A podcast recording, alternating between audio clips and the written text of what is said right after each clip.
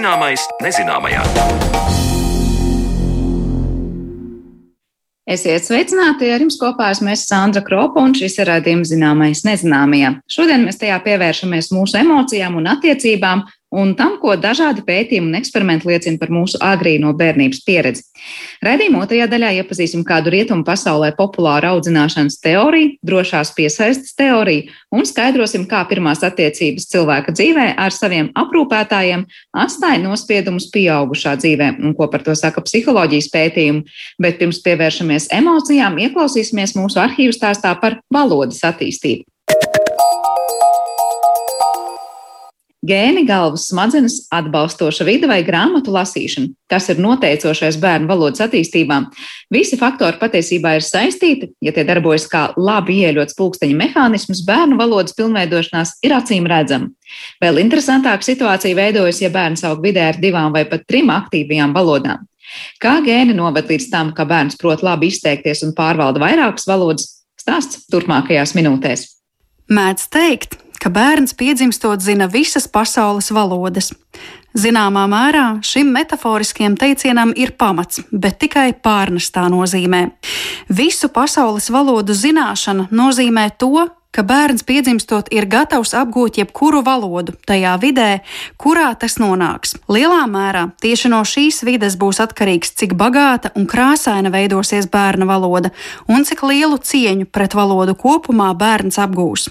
Sarunā ar filoloģijas doktori Latvijas Universitātes profesori Annu Vulāni izsekojām tam, kā valoda no gēnu līmeņa nonāk daudz plašākā spēles laukumā - ģimenē un apkārtējā vidē. Tas, kas atbild par valodas apguves iespējām, eh, tas ir valodas gēns, ar ko cilvēks atšķiras no visiem pārējiem dzīvniekiem. Un e, šis valodas gēns tika relatīvi vēlu atklāts. Nosaukums ir Fox P2. 90. gadu beigās to atklāja. Ko nozīmē šis gēns? Tas nozīmē to, ka mm, cilvēka smadzenēs ir runas centri, un uh, cilvēkam ir šī iespēja iemācīties jebkuru valodu. Uh, tas, ko viņš apgūs, kā viņš apgūs, ir atkarīgs no valodas vides. Un pirmkārt, tā ir ģimene. Tie ir vecāki, tie ir vecvecāki, tuvinieki. Tālāk tas ir bērndārs, tā ir skola un, protams, tā ir visa valodas vide, kurā bērns dzīvo. Vecumā no 3 līdz 6 gadiem, kā zinātniskie pētījumi liecina, tas ir tas posms, kas ir ļoti svarīgs bērna valodas attīstībai. Tāpēc, ka ja šajā vecumā bērns nenonāk valodas vidē, vai šī valodas vide ir eh, ļoti, ļoti primitīva, nabadzīga, eh, tad, protams, eh, valodas apguves iespējas krietni mazinās. Vai var tad pareizi apgalvot tā, ka mums ir gēns, mums ir smadzenēs zonas, kas atbild mm -hmm, par valodas jā. veidošanos, bet tas viss var palikt tikai kā potenciāls, ja mums nebūs šī sociālā faktora. Tad, tad valodas veidošanās ir kompleksa. Jā. Un neveidojas viņa tad, ja ir vai nu gēnu traucējumi, piemēram, ja ir smadzenēs pašās traucējumi, vai mums nav sociālās vides. Tas tiešām ir komplekss. Valodas spēja, kas cilvēkam ir a priori dota, tā var palikt neizmantota. To liecina kaut kāda maugļu parādība, kas nav tikai izdomājums, kas, ar ko reāli arī vēl ar vienu mūsdienās sastopamies, ka bērns kaut kādu iemeslu dēļ ir uh, ieslēgts uh, telpā vai, vai uh, viņam nav socializācijas, nekādu iespēju ar viņu nesarunājas, un viņš paliek bez valodas. Eh, jo tad, kad bērnu atrod piemēram pēc sešu gadu vecuma, tad vēl eh, kaut kādā mērā viņš apgūst valodu, bet eh, tur jau lielākoties ir traucējumi. Ja viņš nonāk valodas vidē pēc 12 gadu vecuma, tad, kā liecina pētījumi, ir diezgan, diezgan bezcerīgi, ka viņš pilnvērtīgi apgūtu valodu. Pētījumi par monolingvālu un bilingvālu bērnu valodas attīstību liecina, ka mūsdienās par ļoti nopietnu problēmu kļūst bērnu valodas traucējumu pieaugums visā pasaulē. Vienlaikus daļai bērnu valoda kļūst nabadzīgāka, un saskaņā ar profesoras pausto iemesli ir pietiekami skaidri. Kā vecāki sarunājas ar bērniem? cik vecākiem ir laika aprunāties ar bērnu. Tad, kad pastaigājas ar bērnu, cik daudz vecāki stāsta par visu, ko viņi redz apkārt. Cik daudz uh, vecāka veltīja laiku, lai lasītu priekšā bērnam grāmatas. Galu galā, lai sarunātos ar bērnu, kamēr viņš ir tur māmiņas vēderā arī. Un pēc tam tas, ka bērns ir piedzimis un pats vēl nerunā, viņš jau faktiski runā tikai savā veidā. Viņš raud. Raudāšana arī ir šis valodas sākums, kā viņš mums signalizē. Mm to, kas ir nepieciešams. Pēc tam sākas dūdošana, pēc tam jau sākas uh, pirmā zilbes, pirmie vārdi, pirmie vien, vienvārdu izteikumi, divu vārdu izteikumi, un tad jau tālāk attīstās. Bet bērns klausās, bērns uh, reaģē uz to, kā apkārt dzīvo valoda. Un jo tā ir bagātāka, jo tā ir pilnvērtīgāka, jo arī bērna valodas attīstība būs uh, labāka. Protams, nu, var būt visādi traucējumi, vai kas tas ir cits jautājums, bet ja mēs runājam par ideālo variantu. No otras puses, pētījumi arī liecina, cik bērns ir bezgala radošs. Piemēram, vecāki parasti brīnās un, un, un domā, ka tās ir kļūdas un tās ir jālabo, ka bērns saka, es uh, kāpīju, es sitīju, ģērbīju. Ja? Eh, bet tas ir tas, ka bērns eh, šo varbūt netik viņa runā tipisko vai apkārtnē skanošo formu sistēmu piemēro tam, kas ir eh, tipiskāks vispārīgāks. Un tieši tāpat vārdus bērni darina pēc tiem modeļiem, ko viņi jau ir saklausījuši, uh, uztvēruši, apjēguši. Viņi rada savus vārdus, un bieži vien tas ir precīzāk nekā mēs pieaugušie esam noslēpuši. Mūsu smadzenes varētu salīdzināt ar smalku bibliotēku, kurā izšķirami daudzi plaukti. Katrai parādībai valodā ir savs plaukts, vienalga, vai tā būtu gramatika vai fonētiska vienība. Tēlaini izsakoties, vienā plauktā atradīsies darbības vārda tagadnes pirmās personas forma, citā plauktā uzrunāja lietojamais lietvārda locījums jeb vokatīvs, un tā katrai valodas parādībai. Šādā veidā valoda nostiprinās bērna apziņā, un viņš to lieto. Ja kādas parādības valodā nav, tad plaukts būs tukšs taču mācoties citu valodu, šo plauktu iespējams papildināt.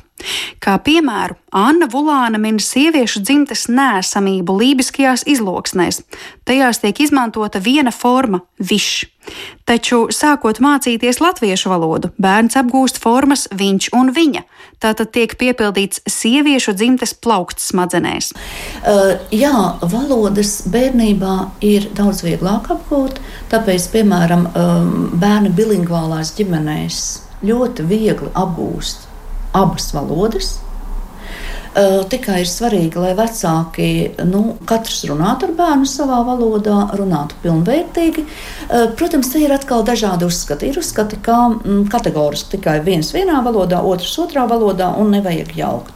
Tas zināmā mērā arī bērnam palīdz nošķirt abus kodus, jo katrai valodai ir savs sistēmas kods. Un, un bērns viegli pāriet no vienas valodas uz otru. Arī tad, ja vecāki ar bērnu sarunājas abi abās valodās. Kā nekas briesmīgs nav, tikai varbūt šo valodu sistēmas um, tāda apguve mazliet kavējas, jo bērnam, kamēr viņas, viņas smadzenes saliek pa plauktiem abas valodas un nošķir, uh, tad bērnam varbūt ir vairāk darba jādara. Mm. Tādā ziņā. Bet uh, tas, ja bērna runā arī parādās otras valodas, uh, kādi fakti, par to nevajag uztraukties. Pienāks laiks, un viss sakārtosies. Ja vien bērnam tiks nodrošināta atbilstoša valodas vide. Ja mēs uh, dabiskā veidā normāli attīstām bērna valodu, valodas prasmi, tad smadzenēs jau vietas pietiek. Jā. Principā tas nozīmē, ja abi vecāki ievēro šo konsekvenci, mm. ja, ka katrs runā ar bērnu savā valodā, nevajadzētu būt tādai situācijai, ka kāda valoda kļūst dominējošā un ka bērns mm. labāk runātu vienā, nevis otrā. Jā, tas tā varētu būt, ka aktīvā lietojumā, nu, kaut vai vārdu krājuma ziņā, piemēram, bērnam varētu sākt dominēt tā valoda, kurā viņš vairāk sazinās. Un otra valoda, ja tajā nav tik aktīvas komunikācijas, tad valodas vide būs šaurāka. Bet tas, ka viņam ir ielikts šis sākums, Tas nozīmē, ka attiecīgi aktivizējot šo vidi, bērnu vārdu krājums paplašināsies un viņš lietos valodu. Ja mēs gribam runāt par absolūto bilingvismu, tad tā nav tikai runāšana un klausīšanās, tā ir rakstīšana un lasīšana. Un ļoti bieži lūk šajā posmā viena valoda paliek iepakaļ vai vispār iekonservējas. Ja bērnu mēs nemācām otrā valodā lasīt, otrā valodā rakstīt, tad jā, viņš spēs runāt, viņš spēs saprast runāto, bet uh, izlasīt viņš varbūt un, un, un, un uzrakstīt nespēs. Bet vēl ir kāda nianse. Ja bērns um, teiksim, apgūst sākotnēji vienas valodas rakstības sistēmu un lasīšanu, uh, tad arī tad, ja alfabēts atšķiras, arī otras valodas eh, rakstu sistēmu viņš apgūst vieglāk, ātrāk nekā tad, ja viņam vispār nekādas rakstības sistēmas mm. nav. Tā, ka, nu, tas ir darbs. Mm. Tas ir darbs. Vecāki var sarunāties nu, tajā valodā, kurā abi saprotas, tāpat varbūt trešā valoda, un bērnam pastarpināti nāk šī trešā valoda. Bet ir svarīgi, kāda ir vecāku attieksme pret otru valodu mm. un dzimtas attieksme. Ja ģimenē ir labvēlīga, pozitīva, normāla attieksme pret uh, to, ka ir viena un otra valoda, tās ir vienlīdz nozīmīgas, uh, tad bērnā nu, parasti nevajadzētu rasties kaut kādai nepatikai. Protams, ja sociālajā vidē nav arī tā. Bērnu valodas pētījumi Latvijā ir uh, relatīvi jauni. Tiešām. To aizsācēja Latvijā ir faktiski Dārsa Markus, valodniece, akadēmiķe un vairāk bērnu valodas pētījumu grāmatu un daudz, jo daudz rakstu autori. Pirms tam latviešu bērnu valodu pētīja vēl trūķa draviņa, bet tas notika ār, Zviedrijā, ārzemēs, tātad diasporā. Svarīgi ir saprast, ka pētījumi ir nozīmīgi nevien pašiem zinātniekiem, bet visai sabiedrībai kopumā, jo tas ļauj iegūt normatīvos rādītājus, kā attīstās bērna valoda katru mēnesi katrā vecuma grupā. Katram no mums arī svarīgi apzināties savu personīgo atbildību valsts valodas saglabāšanā. Tas, kā runājam publiskajā telpā vai izglītības iestādē, un tas, kā rakstām, nonāk arī bērnu uztverē. Līdztekus tam Anna Vulāne aicina cilvēkus mācīties svešvalodas, un ne tikai smadzeņu darbības attīstīšanai. Jo vairāk cilvēks prot kādas valodas, jo plašāka ir viņa pasaules uh, ainava, jo plašāks ir viņas, pas, viņa pasaules skatījums un jo bagātāka viņa kultūra pasaule mm. ir. Par valodas attīstību dzirdējām Marijas Baltkalnas veidoto sižetu no mūsu arhīvu krājuma, bet raidījuma turpinājumā pievēršamies audzināšanas teorijām, pētījumiem par tām un tam, kā bērnības pieredze ietekmē pieaugušā dzīvi.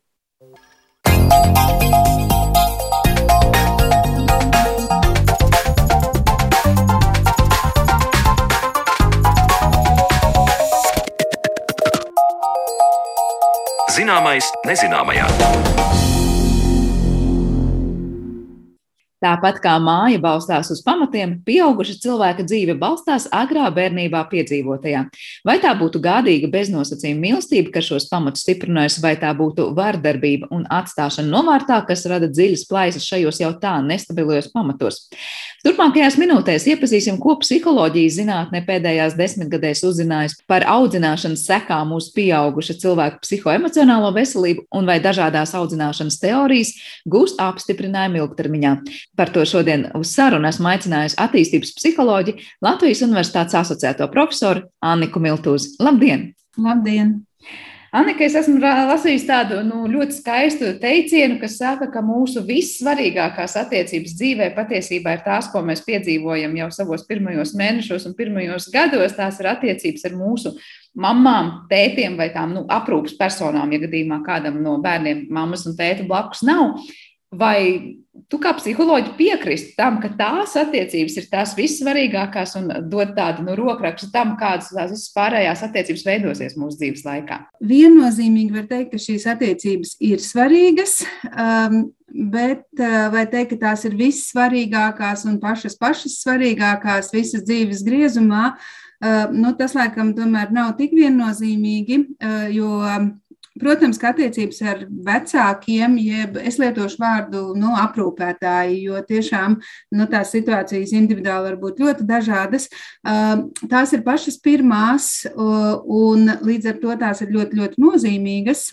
Un es varbūt paskriešu drusciņu uz priekšu tieši kāpēc, jo šajā agrīnajā vecumā notiek ārkārtīgi strauja smadzeņu attīstība. Un pirmie dzīves gadi ir laiks, kad pieredzes rezultātā, iegūtas pieredzes rezultātā veidojas neironu savienojumi, neironu takas, nu, kas tā tālāk mums funkcionē dzīves laikā. Un, un, un tāpēc šis laiks tiešām ir ļoti, ļoti būtisks.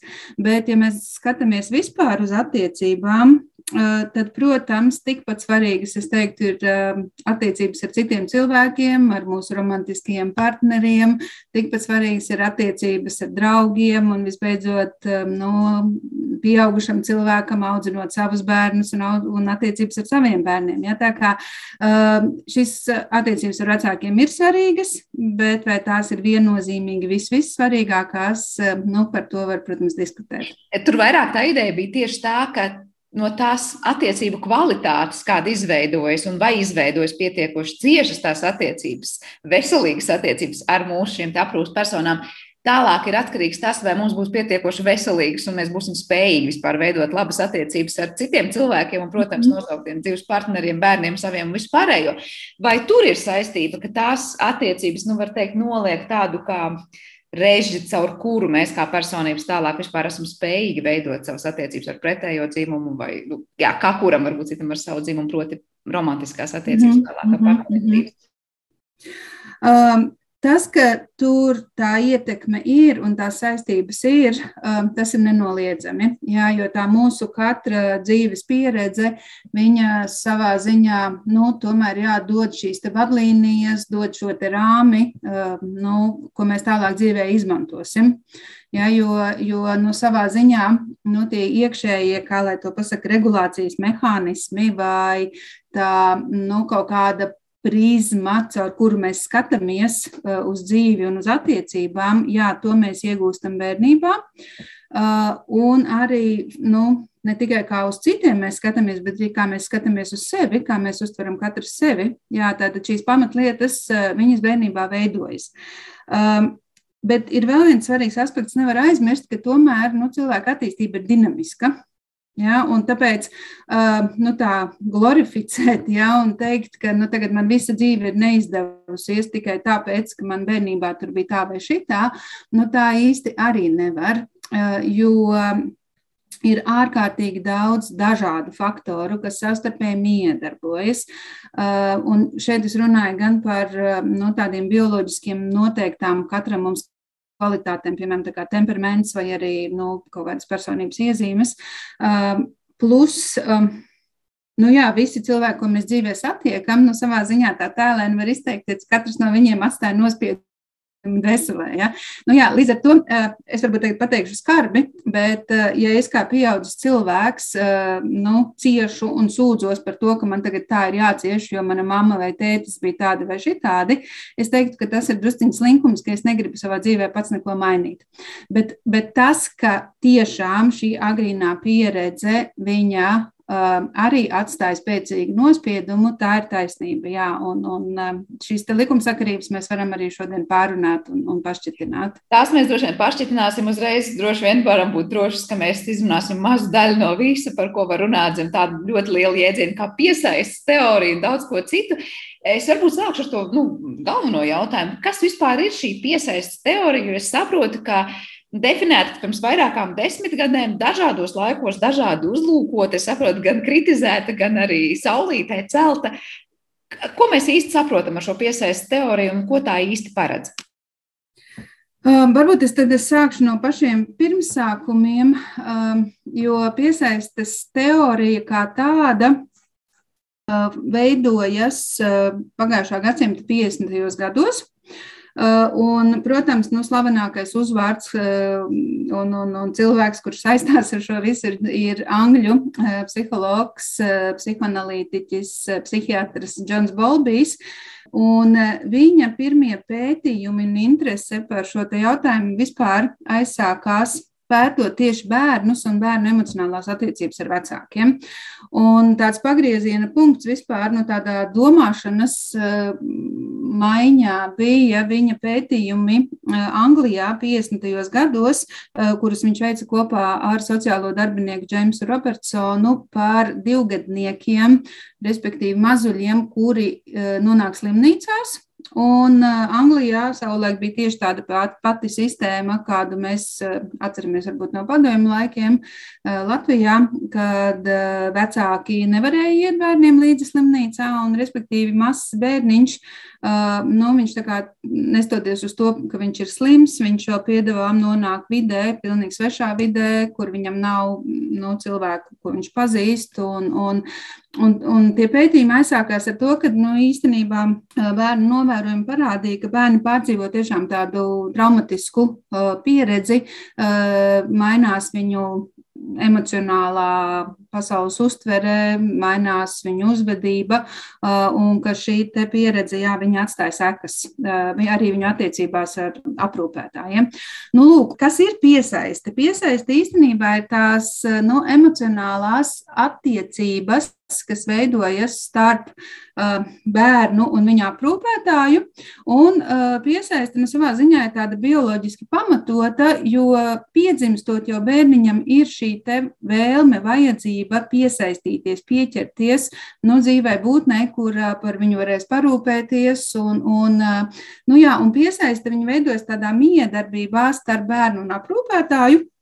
Bet kas ir svarīgi, ka uh, nu, viena no tādām pamat, pamattēzēm šajā visā konceptā, ka apmēram pirmā dzīves gada laikā piesaiste kļūst nu, par tādu iekšēju fenomenu, iekšēju konstruktu cilvēkam, ja, kurš, kurš, kurš tā kā nu, savā ziņā piedalās visas emocionālās sistēmas regulācijā. Uh, vienkāršāk pasakot, ka nu, es tā studentiem reizēm tā tēlēni salīdzinu, ka piesaiste nu, bērnībā nu, bezmaz ir tāds mētelītis, ko mēs uzvelkam, ja, un jeb, jeb tāds filtrs, ar kuru mēs skatāmies pasaulē, un tad atkarībā no tā, kāds nu, viņš tur mums ir saveidojies, tad nu, tas filtrs arī iekrāso to, ko mēs redzam vai ko mēs neredzam. Es nu, tāda ir tā.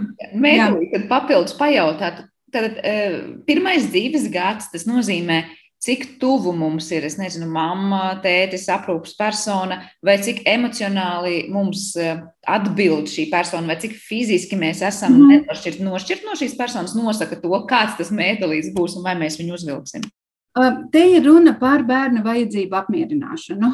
Tas ir tas atslēgas vārds bērna vajadzību apmierināšana, atsaucība bērna vajadzībām uh, un sākot no tādām pilnīgi nu, praktiskām lietām, ka tad, kad mazulis raud, tad viņu mierina, uh, tad viņu samīļo, ņem uz rokām. Uh, nevis uzskata, ka viņš raud tāpēc, ka viņš ir ietiepīgs un grib man tikai kaitēt.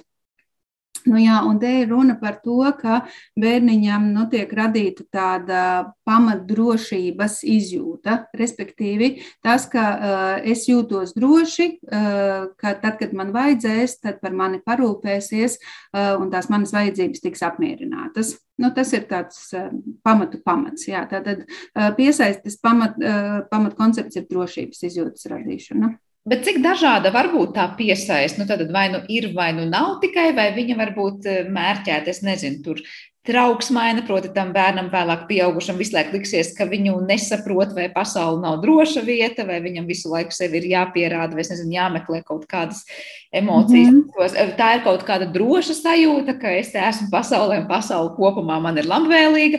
Tā ir kaut kāda izvairīga, man nevienu nevajag, un es labāk jūtos viens pats un nošķirts, vai, vai kādas ir tās tālākās iespējas? Jā, eh, Sandra, tad mēs runājam par uh, tieši bērnības piesaistēm, uh, kuras tiešām ir iespējams izpētīt un klasificēt. Jā, un tad, nu, tu jau tā kā nosauci jau tos pamat, pamatveidus, bet jā, es tad varbūt noprecizēšu, ko katrs tieši nozīmē. Tad mēs runājam par divām tādām lielām kategorijām, par drošu un nedrošu piesaisti. Un droša piesaisti tiešām nozīmē to, ka bērniņam ir izveidojusies izjūta, ka viņš ir mīlestības vērts, ka viņš ir aprūpēts, ka viņam atsauksies un, un ka viņš var droši iet pētīt pasauli Jo tad, kad ja man vajadzēsies no kaut kā nobijušos, es varēšu aizskriet, un tā mamma man būs, ja tētis būs, vai, vai jebkurš cits. Ja? Nu, to nozīmē tā drošā piesaiste. Uh, un nedrošās savukārt ir vairākas. Uh, jo, diemžēl, nu, jāsaka tā, ka vecāki, kuri varbūt nav uh, nu, gatavi vai viņiem pietrūkst resursu reaģēt uz visām bērna vajadzībām um, un apmierināt šīs vajadzības, viņi arī to var darīt dažādos veidos. Un līdz ar to arī tās nedrošās piesaistes var būt diferencētas un dažādas. Un tad tiešām no nu, tie zīdaiņu pētījumi rāda, ka mēs varam runāt par tā saucamo izvairīgo piesaisti, kas nozīmē, ka bērniņš nu, nav saņēmis šo emocionālo siltumu. Bieži vien pie izvairīgās piesaistes fiziskās vajadzības ir bijušas apmierinātas, ja bērniņš ir paēdis, viņam ir, ir savs pampers, bet nu, nav bijis šīs emocionālā mierinājuma, tuvības, emocionālās atsaucības praktiski, kā tas izskatās, jā, bērniņš tur nav, nav ņemts uz rokām, nav samīļots, un tā kā vairāk tās attiecības ir bijušas lietišķas. Ja? Nu, lūk, un tad tiešām ša, um, šādi te izturoties pret bērniņu, tur ar laiku sāk darboties ļoti spēcīgi tādi aizsardzības mehānismi, kad uh, tiešām bērniņš iemācās um, nu, ignorēt šo savu diskomfortu, um, iemācās apspiest savas negatīvās emocijas Un, un tur var būt grūtības tieši saistībā ar kaut kādām šīm emocionālajām lietām tālāk. Ja?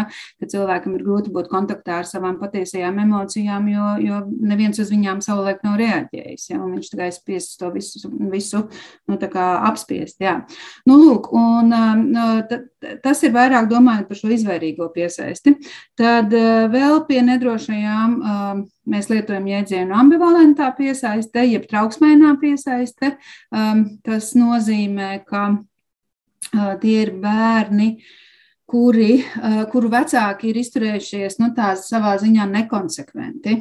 Jā, ka es, piemēram, nezinu, kad tā mana mamma vai viņa man būs mīļā mamma šodien, ja viņa šodien būs dusmīgā mamma, respektīvi vecāki, kuri uh, reaģē uz bērnu vajadzībām, uh, izējot no savām vajadzībām. Ja, ja man ir labs garstāvoklis, tad es, tad es esmu atsaucīga, ja man ir slikts, tad, tad es neatsaucos, ja uzkliedzu. Um, jeb, um, nu, ja es esmu atpūtusies, tad es varu vairāk reaģēt uz bērniņu. Ja es esmu nezinu, nogurusi, tad viņš man tur var raudāt stundu, un es, es nespēju reaģēt. Ja. Nu, lūk, un, um, pie šādas nekonsekvences tas, kas notiek ar bērnu, ka viņš nezina, viņš nevar paredzēt. Ja? Un līdz ar to viņam visu laiku ir tāds, nu, tāds trauksmes stāvoklis. Man visu laiku ir jācenšas, lai to mammu dabūtu. Ja, un, un šie ir bērniņi, kuri tiešām ļoti agrā vecumā jau iemācās rīkot, nu, izmantot dažādas manipulatīvas stratēģijas, lai dabūtu papildus uzmanību, ja, lai, lai, lai panāktu, ka man, man tiešām pievērš uzmanību. Ja, un, un, un uh, skumjākais šajā visā ir, ka pat tad, kad, piemēram, cilvēks ar šādu nu, trauksmainu piesaisti, viņš arī dabūna šo uzmanību, viņš kā dabūna šo apliecinājumu, ka tas otrs ir ar mani, um, tas nepiepilda to viņa iekšējo izjūtu izjūtu, ja, jo tā trauksme saglabājas. Nu, jā, kas ir labā ziņa, ka piesaisti mainās? Uh, ir spējīga mainīties. Ja? Jo piesaistē piedalās vienmēr divi. Respektīvi, tā ir miedarbība. Ja? Un, uh, ja man pretī uh, pat, ka man ir absolūti nedroša piesaiste, gadās cilvēks ar drošu piesaisti, ar citiem reaģēšanas mehānismiem, tad tas var padarīt manu piesaisti drošāku. Vai gluži otrādi, diemžēl, ja, ja man pretī gadās cilvēks ar, ar destruktīvu uzvedību, ja, un, un tas var, var sašķobīt manu piesaisti. Um, arī pētījumi nu, tas, tas pamat uzstādījums sākotnēji tiešām bija piesaistīts teorijā par to, ka nu, tas, kas mums tur bērnībā ir iekalts, nu, tad ar to dzīvojam līdz mūža galam. Bet empiriskie pētījumi rāda, ka tā nav, ka šis individuālais piesaistes stils, viņš nav viens pret vienu, kāds tas ir bijis bērnībā un, piemēram, romantiskajās attiecībās pieaugušo vecumā. Ja? Tur tās korelācijas, viņas ir, bet viņas ir diezgan vājas. Un ko tas nozīmē? Um, tas nozīmē, ka piesaisti var mainīties, un, un lielākā daļā gadījumā tas tieši tā arī notiek. Viņa ir dinamiska. Ja? Uh, bet uh, nu, tomēr ir jāsaprot, ka tas viss ir tāds, uh, nu, vispār attiecības, tas ir tāds ļoti komplekss uh, veidojums. Ja? Nu, tas ir uh, ļoti daudzšķautņains koncepts. Ja, un līdz ar to tādi kaut kādi pamatu uzvedības mehānismi, viņi jā, var būt diezgan noturīgi. Ja, bet vienalga arī ar visiem tiem pamatmehānismiem, katras attiecības, kurās es nokļūstu, viņas var veidoties atšķirīgas, jo pretī ir, ir, ir cits cilvēks. Ja. Tas būs tāds tā kā ieradums reaģēt uz konkrētu, nezinu, emociju vai situāciju, tā kā varbūt tā piesaista sākotnēji ir likus darīt. Jā, jā, jā nu, kaut vai piemēram, nu, ja, nu, es par izvairīgo piesaisti uh, padomāšu plašāk, ja, kad, kad nu, teiksim, ja man bērnībā ir tā pieredze, ka vecāki uz manām vajadzībām īsti neatsaucās, ja, un ja es esmu diezgan agri sapratis, ka man dzīvē ir jātiek galā ar visu pašam, Ja, jo nu, nu, jā, nu, nu, tā ir. Ja, es esmu iemācījies to darīt, un gadiem to esmu darījis. Ja. Tad, piemēram, nu, nonākot situācijā, kur, kur man ir blakus otrs cilvēks, nu, es joprojām esmu lab, labāk jūtos tad, kad es pieņemu lēmumu pats. Man ir grūti kā, nu, iespējams dalīties ar otru. Ja? Kas varbūt arī iemesls dažādiem nu, teiksim, konfliktiem attiecībās, jo nu, varbūt tam otram atkal ir pilnīgi cits priekšstats par to, kādām ir jābūt attiecībām. Ja? Es savukārt pie tikko minētā piemēra uzbūru iztēlēt tādu ainu, ja viens attiecībās ir tas trauksmainais un otrs ir tas izvairīgais, tad jau patiesībā tā konflikta augsne ir nu, nemitīgi, jo vienam vajag emocionāli pilnīgi pretēji to, ko otram. Un jautājums, vai viens otru saprot tādās situācijās un vispār spēja atrast to kopīgo nu, risinājumu. Nu, jā, jo, jo īstenībā piemērs ļoti labs. Jo, nu, padomājiet, piemēram, ja attiecības veido mm, nu, divi pieaugušie, kur viens ir vairāk vērsts uz tādu izvairīšanos, un otrs savukārt e, ir, ir vairāk tāds trauksmains, nu, tad uh, trauksmainajam uh, ir visu laiku Eh, kur realizēt savu trauksmi, viņam blakus ir cilvēks, kurš eh, izvairās, kurš, kurš eh, neiesaistās kaut kādās konfliktu risināšanās, kurim varbūt ir grūti parādīt, nu, ka es tevi tiešām mīlu, ja ka man ir grūti to pateikt vai ko. Un tad es kā trauksmainais, nu, es visu laiku varu censties, man visu laiku ir ko darīt. Ja? Un ir pat teorijas, kas saka, ka nu, iespējams mēs pat ap, nu, neapzināti, lai, nu, lai gan tur arī ļoti daudz faktoru miedarbojas, bet nu, varbūt mēs kā, tiešām izvēlamies šo otru tādu, lai mēs varētu turpināt eh, nu, atstrādāt šos mehānismus, kuri mums ir pazīstami. Ja? Vai arī, ja -hmm. pretim tajam trauksmainam cilvēkam ir tas drošais cilvēks, tad viņam tieši viss destruktīvi jāsalauž tajās attiecībās, jo viņam visu laiku vajag šo, tad, es nezinu, dzīšanos pakaļ uzmanībai vai trauksmai. Labi, tur droši vien ir atsevišķa tēma, par ko runāt, bet es gribēju vēl papaicāt, vai cilvēkos mūsos katrā var būt tā, ka ir nu, dažādas tās piesaistes kombinētas, proti, vienlaikus gan droša, gan trauksmaina, vai proti, gan izvairīga, gan trauksmaina, vai, vai kā citāds. Jā, jā, precīzi. Jā, jo redz, mums jau ir vairāk kā viens aprūpētājs bērnībām. Es eh, esmu redzējis pētījumus, kur runā par kaut kādām šīm piesaistes hierarhijām, ka nu, atkarībā no tā, kurš tā kā, visvairāk ar mums ir bijis kopā un, un visbiežāk ir kā, reaģējis vai nereaģējis uz mūsu vajadzībām, tad attiecīgi ir viena kaut kāda šī vadošā piesaiste, bet tad arī Uh, nu, tomēr ir, ir, ir arī citas, jo arī citi ir par mums rūpējušies vai nerūpējušies. Un pieaugušo vecumā tas īstenībā ir ļoti redzams, jo tad, kad mēs pētām pieaugušajiem piesaisti, tur tiešām jau a priori tiek pieņemts, ka mums ir katram nu, kaut kas no šī piesaistes katra no šī piesaistes stila, uh, tikai dažādā mērā izteikti. Uh, un otra lieta arī, ka uh, nu, katra dzīves situācija, viņa jau var tā kā mūsos iedzīvināt nu, kaut ko no sava. Ja? Jo, nu, piemēram, kādā īpašā tuvības brīdī varbūt nu, manī prevalē tiešām viss, vis, kas manī ir no drošās piesaistes, ja?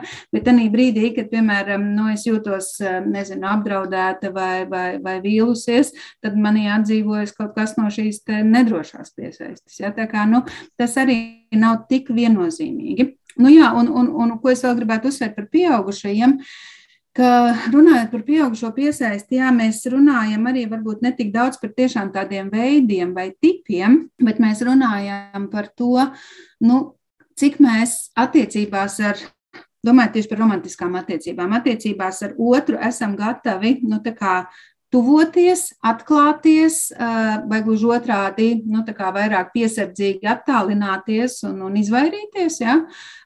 Un otrs, mēs runājam par to, kā es uztveru sevi, ja? cik es esmu pašpaļāvīgs, cik es esmu nu, tāds drošs tajās attiecībās ar citiem cilvēkiem, un jeb gluži otrādi, nu, tas ir otrs tāds šis dimensijas gals, ja, cik es esmu trauksmēns. Kaut kopā šīs divas lietas, tātad to tuvošanos un to trauksmainību, ja, nu, tad, tad mēs varam runāt par pieaugušo piesaistēm.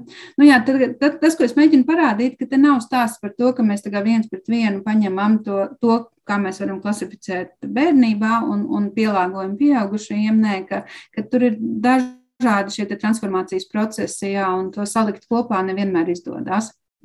Eh, bet es vēl mazliet atgriežoties pie tā, kas bērnībā nu, tiek piedzīvots. Es savukārt lasīju vienu eksperimentu pētījumu, kurā, nezinu, vai divgadnieki vai vēl pat mazāki bērni eh, tika ievesti istabā un tur tika aicināti spēlēties ar jaunām rotaļlietām, un blakus bija mamma. Un kamēr mamma bija blakus, bērns ļoti interesēti skatījās tajās jaunajās rotaļlietās, var teikt, nu, devās to pasauli izzināt.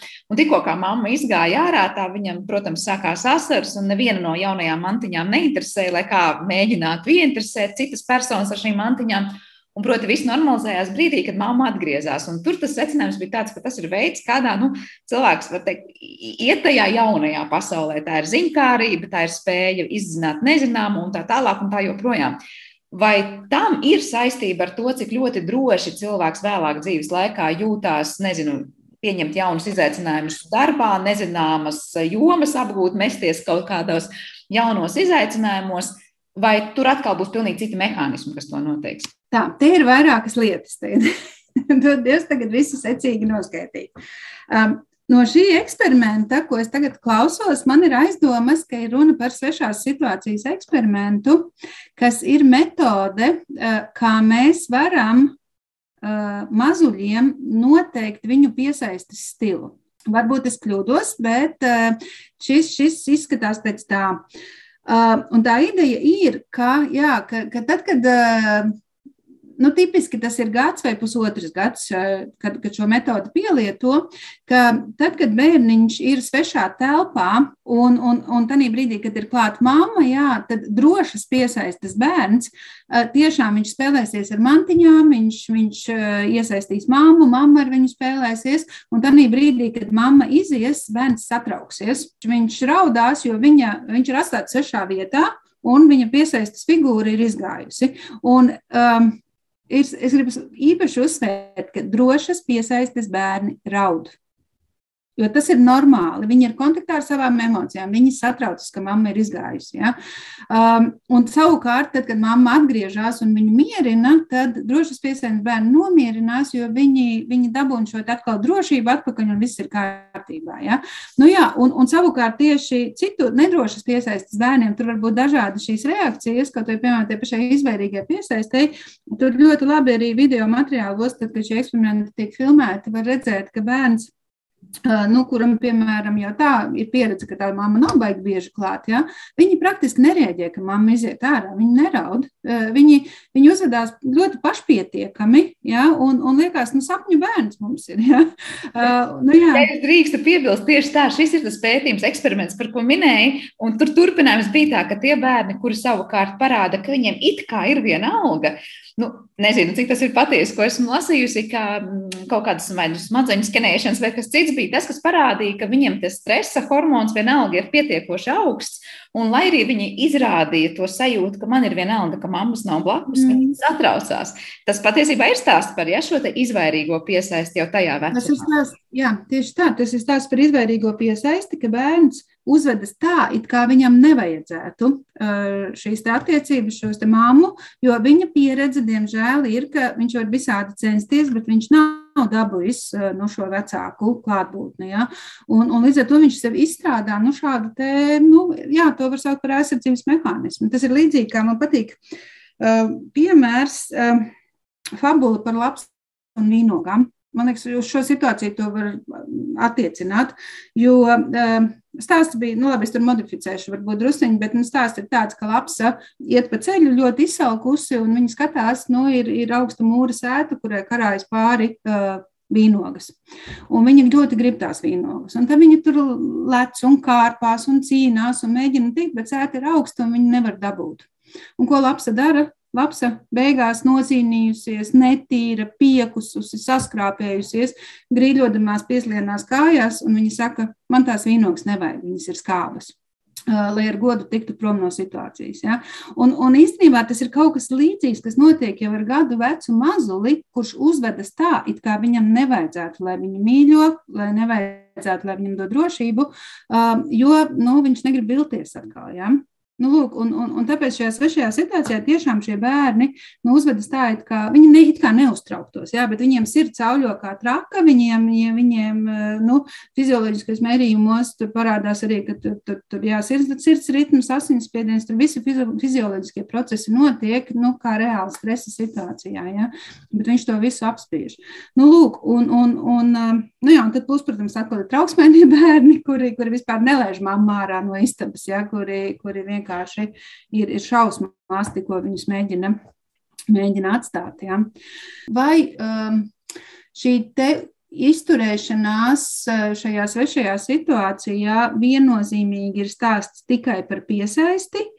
Uh, no vienas puses, jā, jo šī metode ir radīta piesaistes mērīšanai, un viņu arī mūsdienās joprojām izmanto, bet te vienmēr ir jāņem vērā arī bērna temperaments.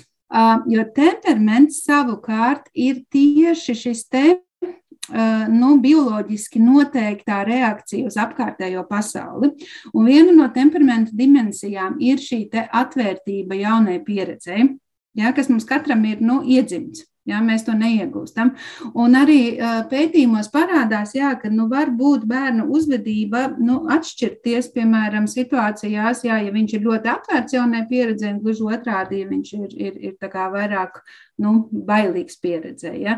Bet, bet, protams, ka temperaments un piesaist arī savstarpēji miedarbojas, jo, piemēram, ja bērnam ir nu, teiksim, grūts temperaments, ar to domājot, nu, iztēloties vienu zīdainīti, ja, nu, kurš ir kurš pa naktīm slikti guļ, kurš ir raudulīgs, kurš ir ļoti jūtīgs, ja, un, un, un vienkārši viņš tāds ir. Ja.